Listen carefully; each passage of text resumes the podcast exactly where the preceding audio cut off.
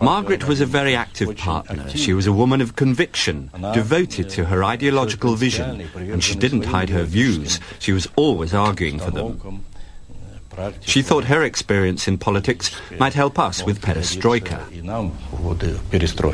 Thatcher het inderdaad gesê Gorbachev was 'n man met wie sy sake kon doen. Haar benadering teen China was heeltemal anders. Sy het die groot ekonomiese moontlikhede van daardie mark besef en met die Chinese hervorming Deng Xiaoping onderhandel.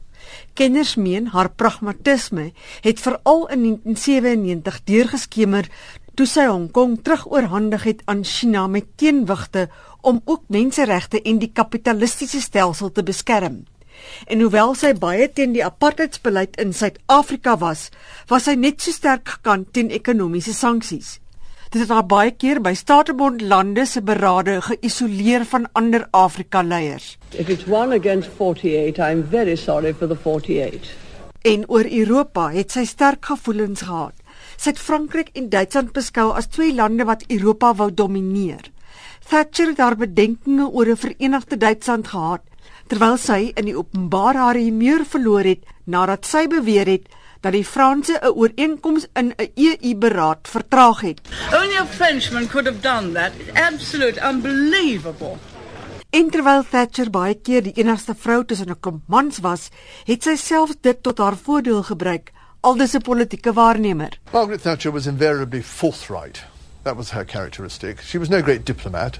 She believed in saying what she thought. And she said things, frankly, that most men wouldn't dare say. Something about being a woman leader made her frankly unembarrassable. 'n Voormalige Amerikaanse minister van buitelandse sake, Henry Kissinger, het haar as 'n groot leier geloof wat nie van kompromieë gehou het nie. And she could be relied upon to look at the geopolitical implications. But she was also the first to recognize the significance that Gorbachev could play and that Gorbachev would be a new type of Soviet leader, some a recognition that did not come to others, including myself, quite as readily.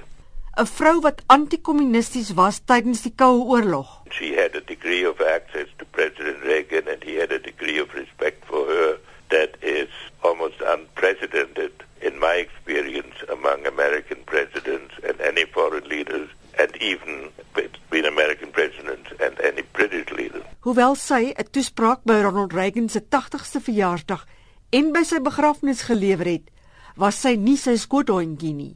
Die parlementêre sekretaris van Margaret Thatcher van 1991 tot 1992, Gerald Howarth. The world has been a better place as a result. There is no doubt that uh, the three people ended the Cold War. Margaret Thatcher, Ronald Reagan, and as we've heard, Mikhail Gorbachev as well.